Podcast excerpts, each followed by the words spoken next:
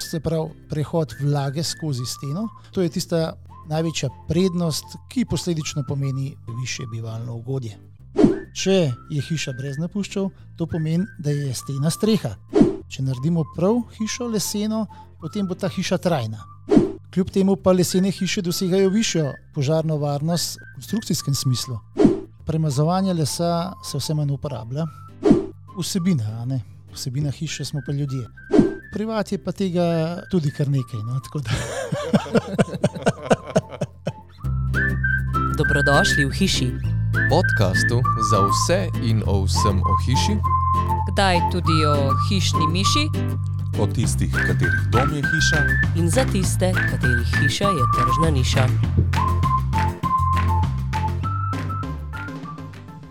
Drage poslušalke in poslušalci, pozdravljeni in dobrodošli v deveti epizodi podcasta Hiša. Tokrat sva z vami Aleš Ugovšek in Barbara Šubic. v goste pa smo tokrat povabili predstavnika masivne skeletne gradnje in sicer Andreja Kostca, direktorja podjetja Bauta. Andrej, dobrodošel v hiši, kako si? Ja, lep pozdrav vsem poslušalcem, uh, sem zelo v redu. Z Andrejem bomo v tokratni epizodi spregovorili o masivni skeletni gradnji, v čem se razlikuje od lesene montažne gradnje, katere so ključne faze gradnje. Glavni oziroma večji del pa bomo posvetili zelo zanimivemu razbijanju desetih mitov o leseni gradnji. Torej, zelo zanimivo in vroče bo tudi v tokratni epizodi. Da predstavimo Andreja. Andrej je od leta 2013 direktor podjetja Bauta, predtem pa je bil direktor podjetij Dama House in DNK DOO. Svojo kariero je sicer začel kot asistent vodje informatike v takrat največjem mednarodnem farmacevtskem podjetju, saj je po osnovni izobrazbi univerzitetni diplomirani or- organizator informatik. Andrej je podžupan občine Crkle na Gorenskem, to funkcijo pa opravlja nepoklicno. Poleg aktivne upetosti v lokalno politiko je aktiven član v društvih PGD Štefanja Gora, Lovska družina Krvavec, NK Velesovo in Društvo obrtnikov in podjetnikov Crklje. Andrej je poročen oče treh otrok, z družino živijo v svoji hiši v Crkljah, veliko dni pa preživijo na Štefani Gori na hribovski kmetiji, kjer po svojih zmožnostih kmetuje že dobrih 20 let. Pravi, da mu za vse hobije primankuje časa, si ga pa vzame vseeno za glasbo, za rekreativni nogomet, smučanje in nekaj dnevna potepanja. Andrej, vzame si čas za glasbo. Kakšno glasbo? Zelo različno. Jaz imam pač ta, hvala Bogu, ta talent in me glasba seveda tudi zanima. Tako da doskrat si kaj zaigram Na kak inštrument? na različne inštrumente. Pa pač uh, spremljam glasbo uh, preko družine, moja sestra, pa družina njenega moža so profesionalni glasbeniki in so zelo upeti v to sceno, bom tako rekel. In to te potem pač spremlja v življenju. ne. Upam, da bom enkrat, ko bom večkrat spregel, ne, se lahko še več temu posvetil. Andrej, zelo skrivnostno si to zapletel, tvoja sestra, profesionalna glasbenica in tako naprej, si lahko konkreten. Moja sestra je Irma Močnik, poročena s slavnim skladateljem Damjanom Močnikom, nagrajencem letošnjim, oziroma zadnjim nagrajencem. In ker je on vodilni na področju zborovske glasbe, uh, bom kar rekel v Sloveniji, en vodilnih, potem nekako spremljaš vsa ta dogajanja, in otroci so potem del teh zborov in tako naprej.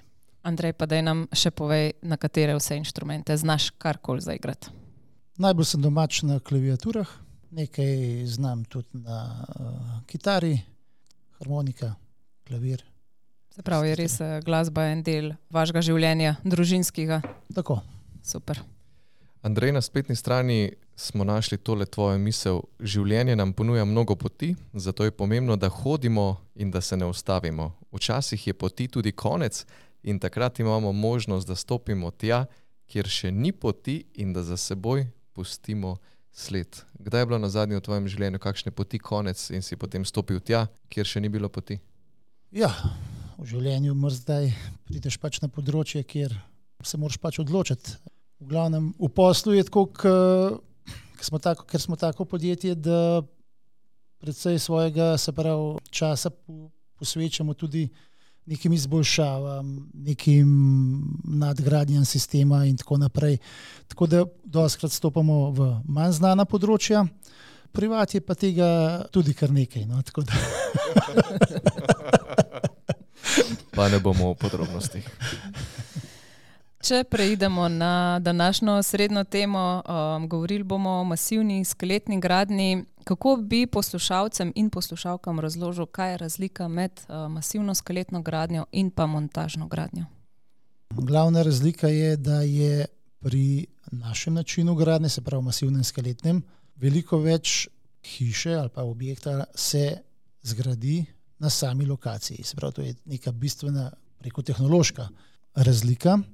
Medtem ko pa glavna v bistvu vsebinska razlika je pa to, da našim sistemom gradnje lahko grajujemo na način in z izolacijami, ki posledično nam prenesejo sistem difuzijsko odprte gradnje.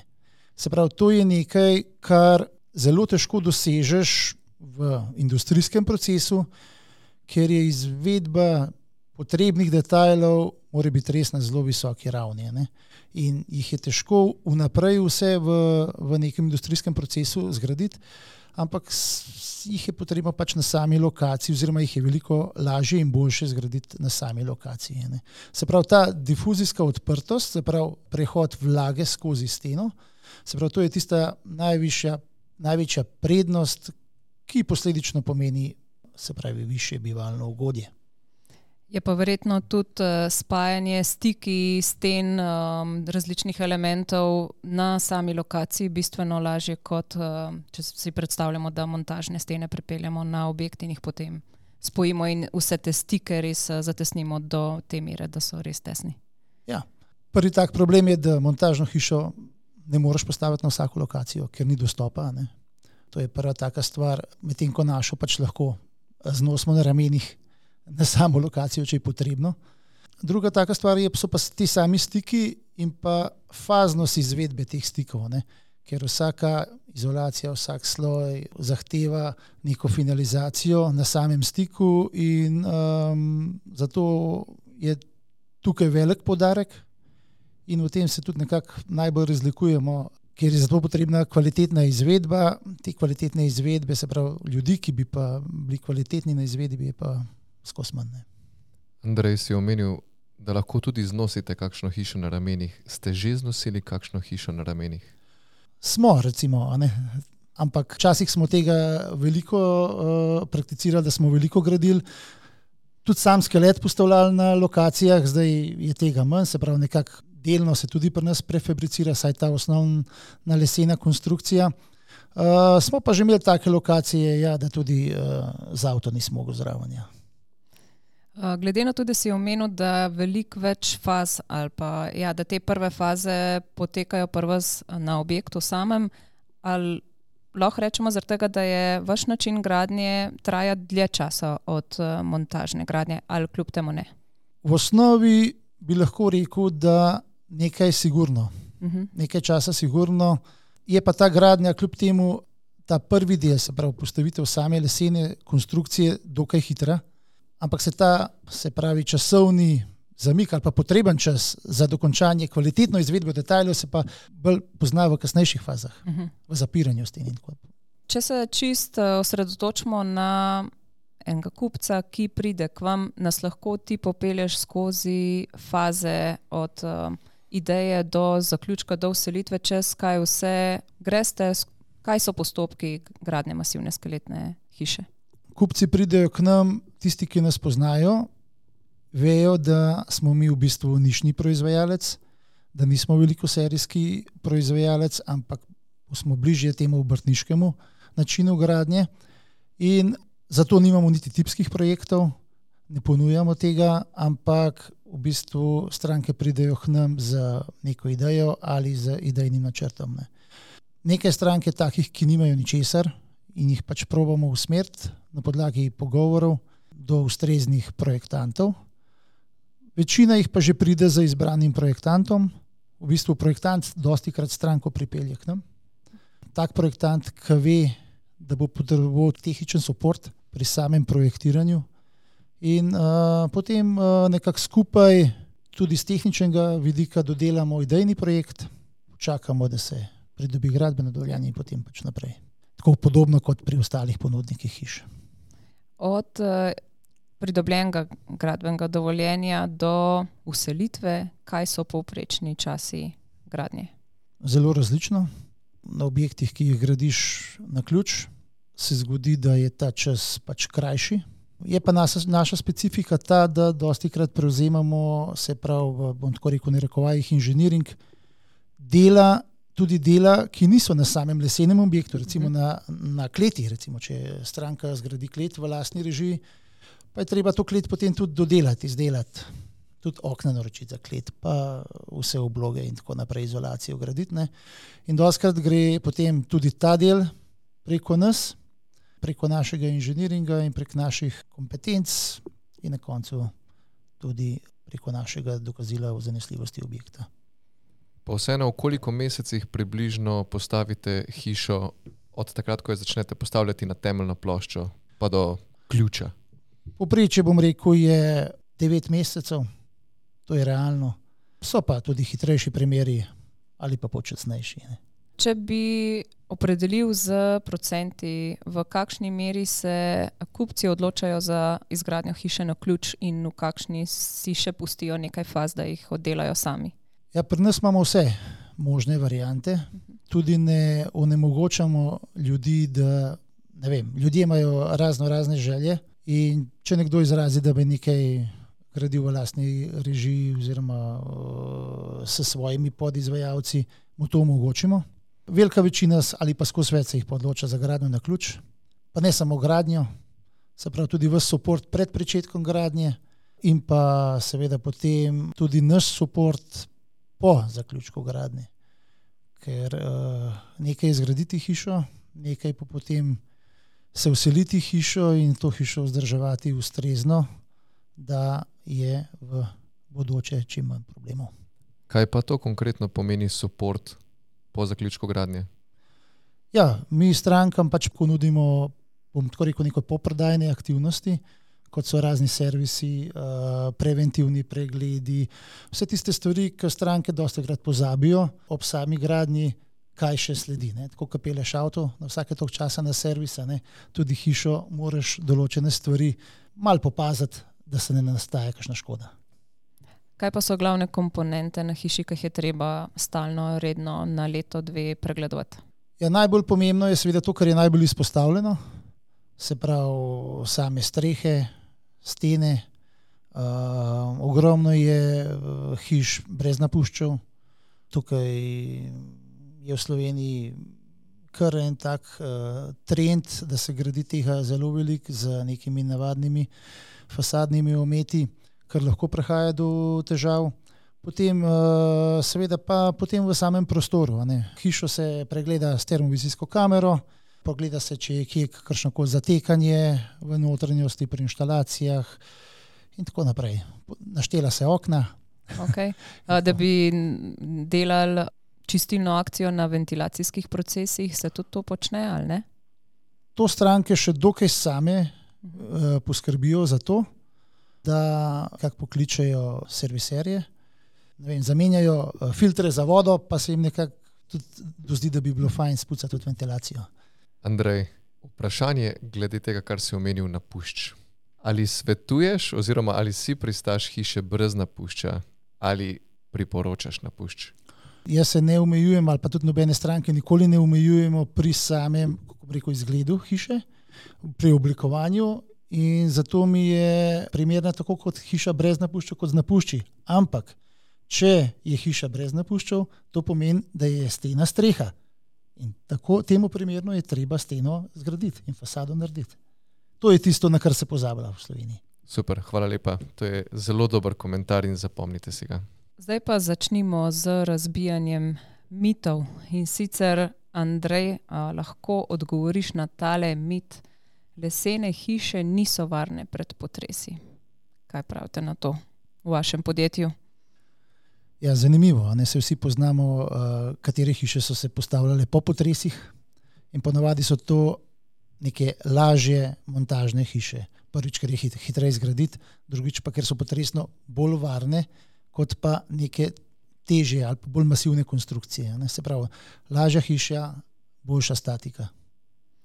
Ima pri tem uh, vlogo tudi talna plošča, kot taka, ker vse več se dela talne plošče in ne več uh, pasovnih temeljev. Tudi to odigra svojo vlogo pri tem, ali ne? Tudi v osnovi se več dela talnih plošč, zato ker je cenejša. Okay. Tako se je začel, potem se je pa, pa sistem talne plošče izpopolnil do te mere, da je prav tako potresno posem varen. Andrej, mit številka dve, ta je zelo prisoten, saj ko govorimo o lesu.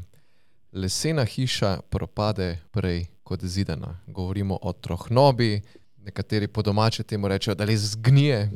Ali to drži? Ja, imamo primere slabe prakse tako v leseni kot v zidani hiši. Problem je, če stvar ni dobro narejena, če nekje voda zastaja, če se ne oteka. Ne, recimo, če pogledate neko ograjo leseno na balkonu, če voda stoji v nekih režah, porah, pač tam seveda potem nastane, oziroma les truhni. Isto je pa v hiši. Če naredimo prav hišo leseno, potem bo ta hiša trajna. Imamo primere srednjeveških mest po Evropi, ki so narejeni pravilno in so trajni, več stoletij. Imamo primer novih hiš, ki so stare deset let in so slabe. Ne. Se pravi, kakovost gradnje je tista, ki vpliva na to, ali je hiša pravilno zgrajena oziroma trajna. Hudiči v detajlih pravijo, in če detajli niso ustrezno rešeni, potem prihaja do trohnobe. Tako. In morda za umestno izobraževanje les ne gnije, ampak trohni. Torej, govorimo o trohnobi lesa. Ja. Zdaj, mene je malo strah, a ne, ker živim v leseni hiši. Ampak, ja, ko smo postavljali pri nas leseno hišo, um, so sosedje prišli pa so rekli, boste že videli, vam bo prišel črov noter v les in vam je pojedel, no hiša še zmeraj seveda stoji. Ampak kako je pa z, kako se reče, z lesnimi škodljivci? Z lesnimi škodljivci. Tako in še eno kratko izobraževanje. Torej, lesnih črvov ni, so samo larve od lesnih insektov, torej predstopnja lesnega insekta. Ampak ja, Andrej, vseeno vprašanje tebi, se srečujete s tem, je to pojav, je to sploh skrb ali je to čist uh, mit? Uh, mislim, da imate tle dosti izkušenj v M-Sori, ki prodajate oziroma izdelujete lesena okna. Se pravi, izpostavljen les uh, mora biti primerno zaščiten, tako da mi se v osnovi, ali pa bom tako rekel v svojem, kar pač delamo hiše, skoraj da 20 let, smo se srečali s temi vprašanji strank, ampak uh, da bi imeli pa probleme kot take na samih objektih, jih pa nimamo. Ne. Se Ja. pravi, neka stena obložena z določenimi materiali, ki so fabricirani, že ti materiali niso najboljše življenjsko okolje za, za živali, bom tako rekel, sama izolacija ali pa to. Tako da mislim, da ni to nič večji problem, kot pa v neki zidani hiši, spet, če je pravilno zrejena. Ne, za vaš konkreten primer, ne, pa mislim, mislim, da vas ne rab skrbeti, ker poznam proizvajalca, ki je, to hišo naredil. Ne. In, in, je, in je pazil na detajle. In je pazil na detajle. Tudi pri oknih v moji hiši smo pazili na detajle. tako da. Eno vprašanje še samo pri tem. Zadnjič smo imeli primer na hiši, kjer smo ugradili mi lesena okna. Hiša je tudi dobila priznanje oziroma nagrado na odprtih hišah Slovenije. In v to hišo je investitor ugradil na različne segmente hiše, v različne detajle, senzorje vlažnosti, da spremlja, če se karkoli dogaja z vlago v lesu, če bi prihajalo do zatekanja. Si se že kdaj soočil s tem pri vas, ste to že poskusili, oziroma je to smiselno?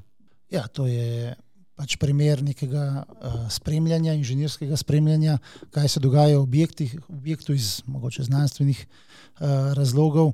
Drugač pa se, seveda se dogaja, v steni se dogaja, saj v naši steni, ki je difuzijsko odprta, ki omogoča prehod vlage tako na ven kot na vznoter, se ta vlažnost spreminja. In zato je pomembno, da imaš ugrajene materijale, ki omogočajo spreminjanje vlage, pa da kljub temu pač izolirajo. In potem tudi za samo bivanje, se pravi, koliko je v prostorih premalo vlage, se pač potem ta vlaga prenese od zunaj in tako naprej. Je pa vse to narejeno oziroma izračunano tako, da se vsa ta vlaga, ali pa pravijo, ne vem, kondenčna točka, recimo bolj strokovno, da je nekje na zonanji tretjini uh, stene, kjer pa v bistvu uh, je potem toliko manj možnosti, da bi prišlo do kakšnih kondenzacij in tako naprej. Ja, verjetno je tukaj bolj namen uh, samih teh senzorjev v najbolj kritičnih uh, detajlih, ki, če niso izvedeni pravilno, dejansko lahko pripeljajo do večje količine dora vode zunanje ali pa recimo izlivi v kopalnicah, ne Ja. so tisti najbolj Ja. kritični. Zato se pravi, zdaj v, uh, v leseni hiši v, ali v naši montažni, kakorkoli, se napake zelo hitro opazijo. Se pravi, ni treba dosti časa, da se pojavi nek madež, kakor če nek, neka voda spusti. Uh, se to hitro opazi in se lahko tudi dokaj hitro sanira. So seveda sistemi, recimo, kjer bi bilo mogoče kakšna tehnična napaka pri ugradnji upihane izolacije, recimo v, v poševninah, v mansardi in tako naprej. Tam se pa te stvari v bistvu mi rešujemo s toplotno kamero, ki v uh, hladnih dnevih pač kaže vse te spremembe temperatur znotraj izolacije. Ne. Se pravi, termokamera ni samo za pregled temperatur, ampak tudi pokaže območje s povečano vlago. Tako, tako. Če se od eh, vlage, trohnobe in lesnih škodljivcev pa zdaj usmerimo v tretji mit in sicer v požar in les. Kako so lesene hiše požarno odporne? To je nek tak mit, da pač lesena hiša gori. Zdaj jaz vsakmu rečem, seveda les gori, ne? to je dejstvo. Ne? Tega, to te ne, nihče ne more prepričati, da les ne gori. Ne? Kljub temu pa lesene hiše dosegajo višjo požarno varnost v konstrukcijskem smislu, kot pa zidane. Ne? To je pa zelo zanimivo. Zakaj? Ker les rabi veliko dalj časa, da prigori v takem deležu, da je konstrukcijsko neuporaben. Se pravi, neka uh, zidana hiša v požaru, pri teh stopinjah, ki se pač razvijajo, se železje pač ukrivi, popusti in je statika neustrezna. Uh, veliko hitreje kot pa recimo v leseni hiši, kjer moramo goreti, rečemo, ne vem, eno uro, da, zogle, da pogori tolk, uh, nek tram, nek špirovc, da v bistvu ne upravlja več statične vloge. Tako da stare hiše so, včasih bilo veliko več požarov in mnogo hiš ima še danes zoglenelo ustrešje, pa funkcionira. Hvala lepa za tole razbitje tega mita. Četrti mit: vzdrževanje lesene hiše je dražje. Ali to drži? Jaz mislim, da ne. Jaz mislim, da je cenejše. Zdaj, če pa govorimo, zdaj govorimo o hiši, če pa govorimo o nekih lesenih oblogah, zonanjih, je pa to, pa to drži. Ne, se pravi, v zonanjih izpostavljenih oblogah je vzdrževanje lesa, ukolikor želimo imeti izgled kot na začetku ali ne dosti slabši, je dražje. Ukolikor se pa odločimo, da bomo les pustili pač takšen, kot je, da dobi svojo patino, da se pač obarva oziroma razvije tako kot, tako kot pač takšen, kot les je, potem je pa tega vzdrževanja ni, ne? samo tako, kot sem rekel prej. Ne? Zdrž, se pravi, um, sama izvedba mora biti taka, da se les, da, se, da voda oteka in da se les lahko posuši. Priporočaš pri lesenih fasadah, zunanjih oblogah barvanje, premazovanje ali prosto, se pravi, da ustrezno konstrukcijsko najprej rešimo, da odteka voda, potem pa da les spreminja svojo barvo. Premazovanje lesa se vse manj uporablja. Se pravi, so, so ljudje, ki se odločijo za naravni izgled lesa in ga kvečemo olijo, so pa drugi, ki pa potem uh, raje izberejo druge materijale. Se pravi, imamo moderne materijale, namenjene fasadam, oblogam, ki, uh, ki, pot- ki večinoma zdaj nadomeščajo že uh, lesene. te- So pa seveda tudi še drugi sistemi, kot je termična obdelava lesa, Vsak sistem je primeren za določeno arhitekturno rešitev, v osnovi se pa lesa skozi manj premazuje. Jaz imam še pod vprašanje na ta del, o katerem smo zdaj govorili. Se pravi, govorili smo tudi o lesu, ki je viden na um, fasadah um, in o vzdrževanju letega, kar je v bistvu možno tudi pri vseh ostalih uh, načinih gradnje, tudi pri betonski ali pa zidani. Kako pa je v vašem primeru z vidnim lesom v notranjosti, glede na to, da ga je kar precej v sami konstrukciji, v kakšni meri se stranke odločajo, da je ta les tudi v končni fazi viden? Uh, naš način gradnje je tak, da lahko v bistvu pokažemo znotraj vso konstrukcijo, če bi jo nekdo želel videti. Ne. Tako da tudi kakšna notranja stena uh, lahko ostane brez izolacije, transparentna ali zaprta s kakšnim steklom ali karkoli. Vse to se da. Po drugi strani se pa uporabljajo uh, pač potem uh, lesene obloge razno razne.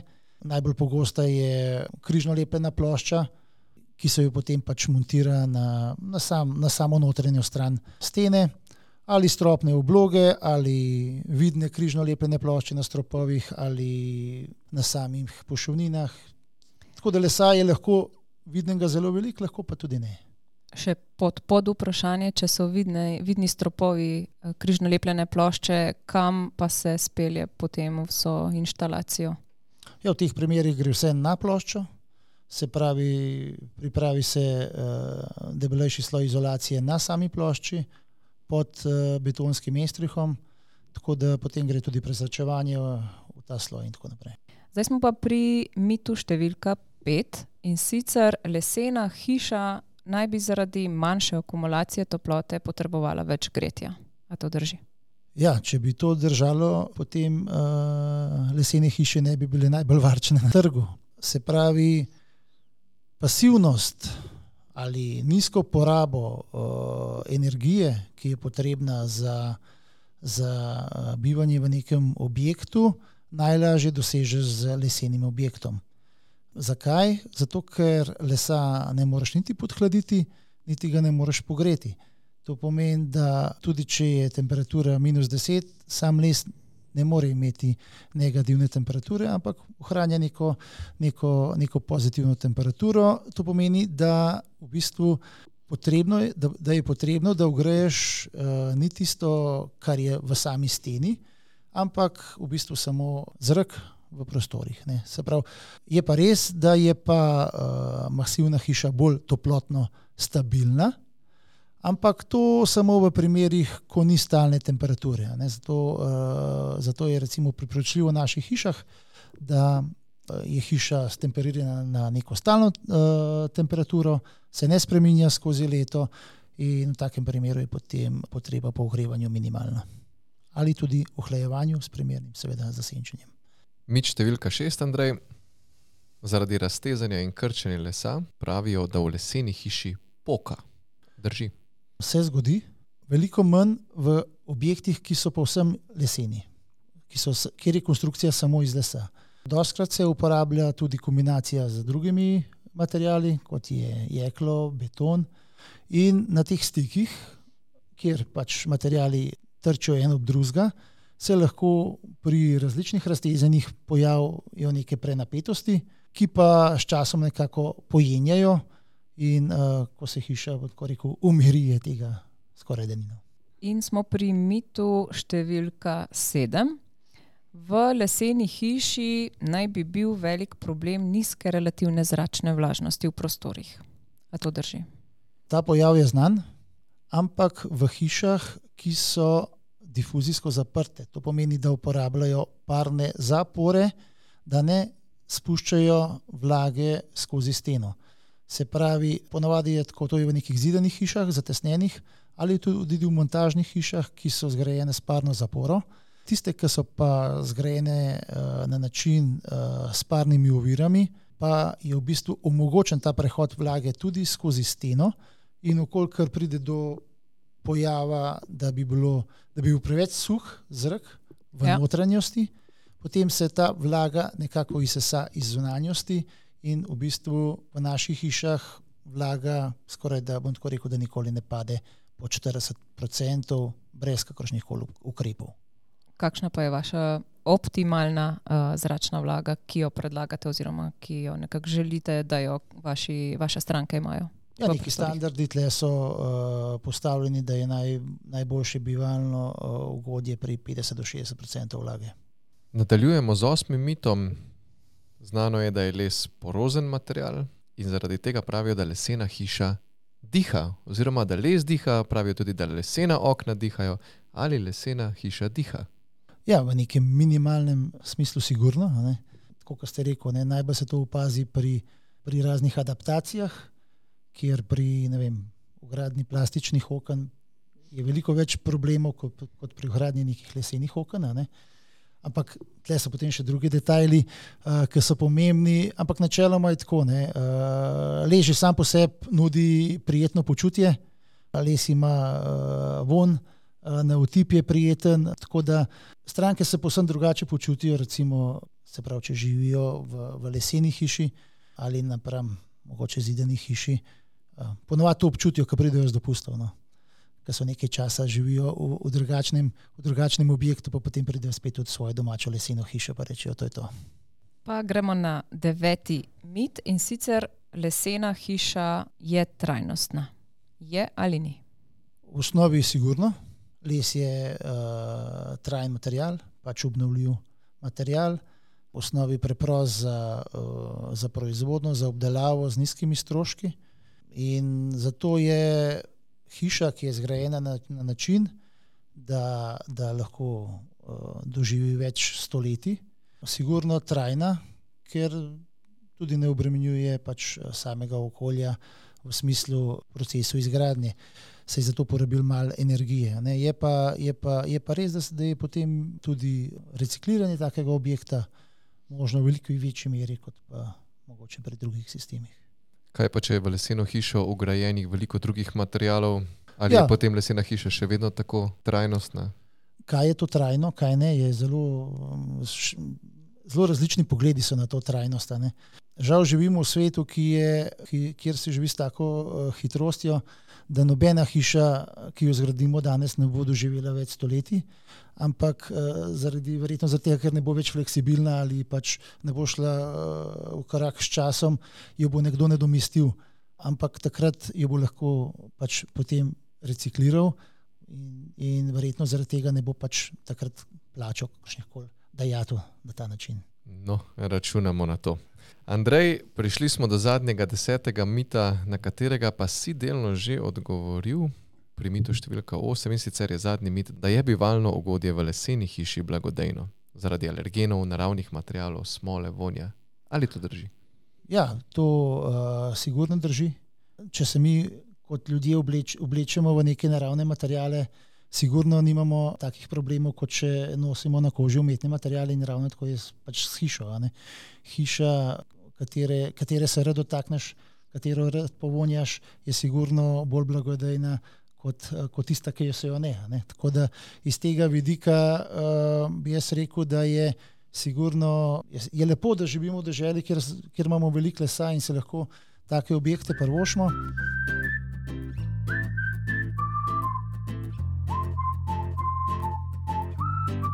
Za tole razbijanje mitov, za tvoje izkušnje, za tvoje znanje, veliko si povedal, veliko uporabnih nasvetov, bogatega znanja, dovolj, da povzamem nekaj, kar sem si zabeležil. Na začetku si primerjal masivno skeletno gradnjo in razlike v primerjavi z montažno gradnjo, predvsem dve si izpostavil. Veliko več procesov oziroma montaže se zgodi na sami lokaciji objekta, predvsem v prvih fazah. In pa drugi najpomembnejši del je, da takšna hiša, se pravi masivna skeletna gradnja, omogoča oziroma je sistem difuzijsko odprte gradnje, torej omogoča prehod vlage skozi steno. Omenil si, da je povprečje vaše gradnje od temeljne plošče ali od kleti pa do ključa približno 9 mesecev, da velika večina se danes odloča za gradnjo na ključ. Potem pa smo zašli na mite, povedal si, da lesene hiše so potresno bolj varne, tudi zaradi teže in posledično drugačne statike, da so zelo trajne, če so detajli ustrezno rešeni, da ne prihaja do zatekanja in posledično tudi trohnobe lesa. Da lesena hiša sicer gori, to si priznal in to drži, da dosegajo pa lesene hiše v konstrukcijskem smislu višjo požarno varnost. Omenil si, da je vzdrževanje lesene hiše ni dražje, da pa je vzdrževanje lesenih zunanjih oblog pogosto dražje, če te obloge premazujemo naprimer z barvami oziroma sintetičnimi premazi. Lesene hiše so najbolj varčne na trgu, to si povdaril, in zato ne potrebujejo več gretja v primerjavi z drugimi. Da lesa ne moremo podhladiti ali pregreti, to je bila zelo zanimiva misel. Povedal si, da v leseni hiši poka, predvsem takrat, ko je les v kombinaciji z drugimi materiali, naprimer jeklom, da pa se to pokanje skozi čas vedno bolj zmanjšuje. Nizka vlaga je problem v hišah s parno zaporo, manj pa pri sistemih z difuzijsko odprtostjo. Da lesena hiša mogoče res diha, ampak res minimalno, je pa občutek v hiši drugačen, prijetnejši in blagodejnejši, in da je brez dvoma lesena hiša trajnostna. Toliko v povzetek vsega, kar si povedal, sledi pa zadnje, vedno stalno vprašanje gostu, oziroma to je zadnje stalno vprašanje, pa predzadnje vprašanje in sicer, kaj je v tvojem domu, kjer živiš, zares posebnega, oziroma kaj je tebi najbližje, najljubše. Vsebina, vsebina hiše smo pa ljudje. Tako da najbližji, s katerimi pač preživljaš največ časa, ti, ti pač naredi hišo dom.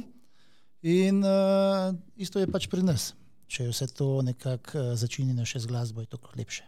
Barbara, misliš, da naši gosti poslušajo predhodne epizode? Ko se je ta uh, izjava začela v tretjem podkastu nazaj, ste vsi naslednji imeli enak odgovor, ampak je pa po svoje tudi razumljiv. Evo, zdaj pa smo pri res zadnji rubriki in to je rubrika Hišarija, kjer našega gosta postavimo pred specifičen izziv. In ko smo se prej pogovarjali, mislim, da se lahko zahvališ svojim sodelavcem, da so te v tale izziv namočili oni. Super. V glavnem, že prej smo omenili, da si lovec. Sam eh, si sicer izrazil, da si bistveno bolj strasten glasbenik eh, kot lovec, pa vseeno. Zdaj imamo za te eh, nekaj vprašanj na to temo. Če ti povem, jaz ne bi znala odgovoriti na niti enega od njih, tako da vsak tvoj odgovor bo, bo super. Pa začnimo s prvim. Katere vrste perutnina se lahko lovi v Sloveniji? Hm, to so zdaj zanimive vprašanja. Ja. Brez piščancov, pa kur. Brez piščančev. kar. Ja. Lovijo se ptiči, a ne? Ja. Lovijo se ptiči, ptičev je pa mnogo vrst. A znaš, kakšnega našteti, kera, kera bi bila, Ja, najbolj, najbolj pogosti so recimo fazani, drži? potem vrane, kot uh, najbolj preko tako povzročajo največ škode, Ja, no vidiš. potem pa tudi drugi. Vsekakor pa ne zavarovanih vrst, ki jih je pa največ. Tako. Jaz imam tukaj naštete še srake, šoje in parace. In mislim, da mi manjka samo ena, ampak tale moj lovec se ta zadnje ni spomnil, katera še ni za, zaščitena. Tako da ena manjka. Drugo vprašanje se navezuje na medveda in na odstrel. Kolikšen je odstrel medveda v Sloveniji na leto v številki? Odstrel je okrog 600 kosov, želje so pa celo više, ne po 1100. Ne. Ja, informacija izpred dveh mesecev, ko je bila na Aj, spletni že. strani, ja, je 222 za leto, letošnje leto, so pa res bile želje pač po višjih številkah uh, dovoljenega odstrela. To je pa res. Mogoče pa 222 do danes, do konca junija. Danes. Ne, to pa ne vem. Zdaj pa mal bolj k lovski opremi in sicer klobuk. Verjamem, da ga imaš, mislim, da ga mora imeti vsak lovec. Iz česa je sestavljenega, lahko malo pišeš. Klubukov je več vrst, ne obstaja nek slovenski lovski klubuk. Zdaj bom malo gibal, ampak ponavadi je narejen z ja- z zajčje dlake. Ja, to drži. Ja. Ima pač narejen je s krajcem, krog Ja. in krog, zelene barve. Ja. Uh, Še nekaj ima ovito krog, Ja, okrog ima še pač nek trak. Ne. trikrat ovito zeleno pleteno vrv. No, tako, ja. In pa eno posebno zanko, na katero se pa eno značko obes.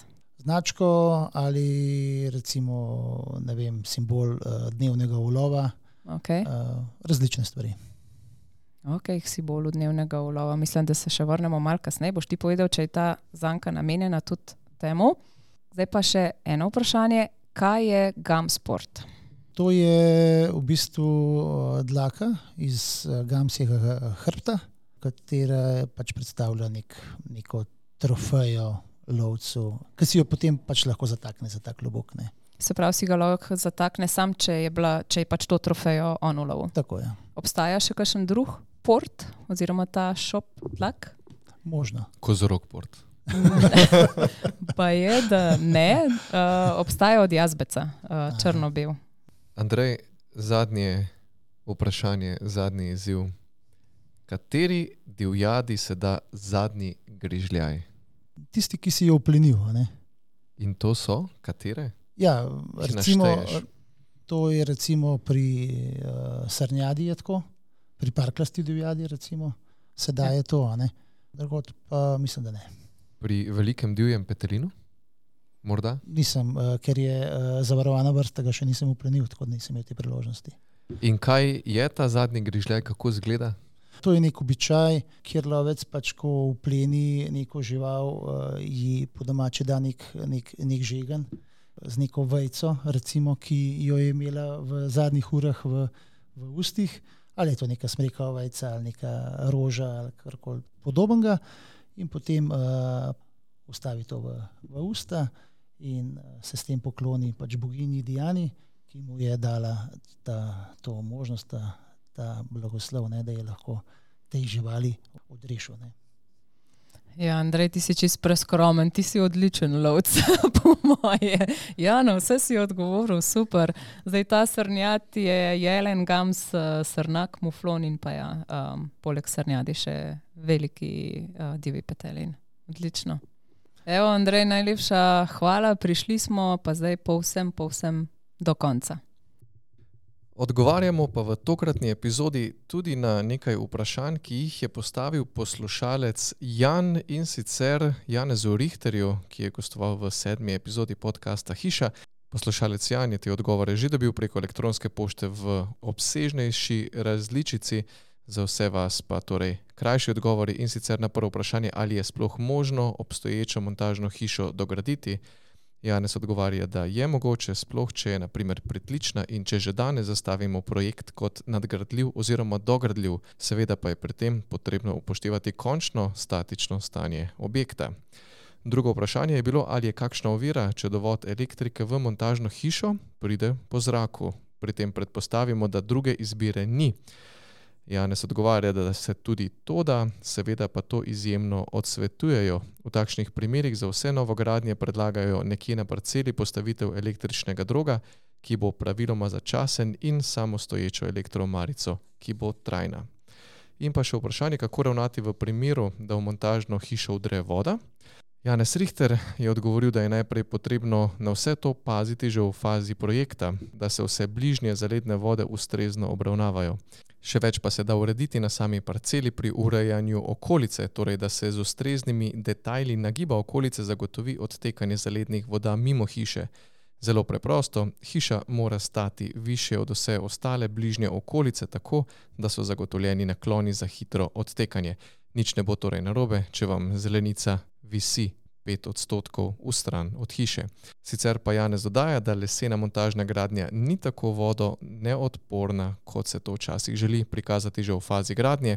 Vsi materiali, razen navadnih mavčnih plošč, ki se uporabljajo v finalizaciji, so lahko cel dan na dežju, pa ne bo nič narobe. In ja, celo kamena volna nima nobenega problema z vodo, ker se ta iz nje izredno hitro odteka. Hvala lepa poslušalcu Janu za njegovo vprašanje in hvala Janezu za odgovore. Vse vas pa vabimo, da nam pišete na hisaafna.m-ora.si z vašimi vprašanji in jih bomo odgovorili v naslednji epizodi in tudi preko maila. Hvala vsem, ki ste poslušali deveto epizodo podcasta Hiša, povsem do njenega konca. Vabljeni v našo družbo spet čez dva tedna, ko vam bosta nove vsebine predstavila Aleš in Boris. V goste namreč prihaja Marjeta Zupančič, ekosklad svetovalka mreže En svet. V epizodi pa bo vsem vam svetovala glede prenove, novograden, bivalnega udobja in še kaj. Več pa torej čez dva tedna v novi epizodi. Vse dobro in srečno v vaši hiši.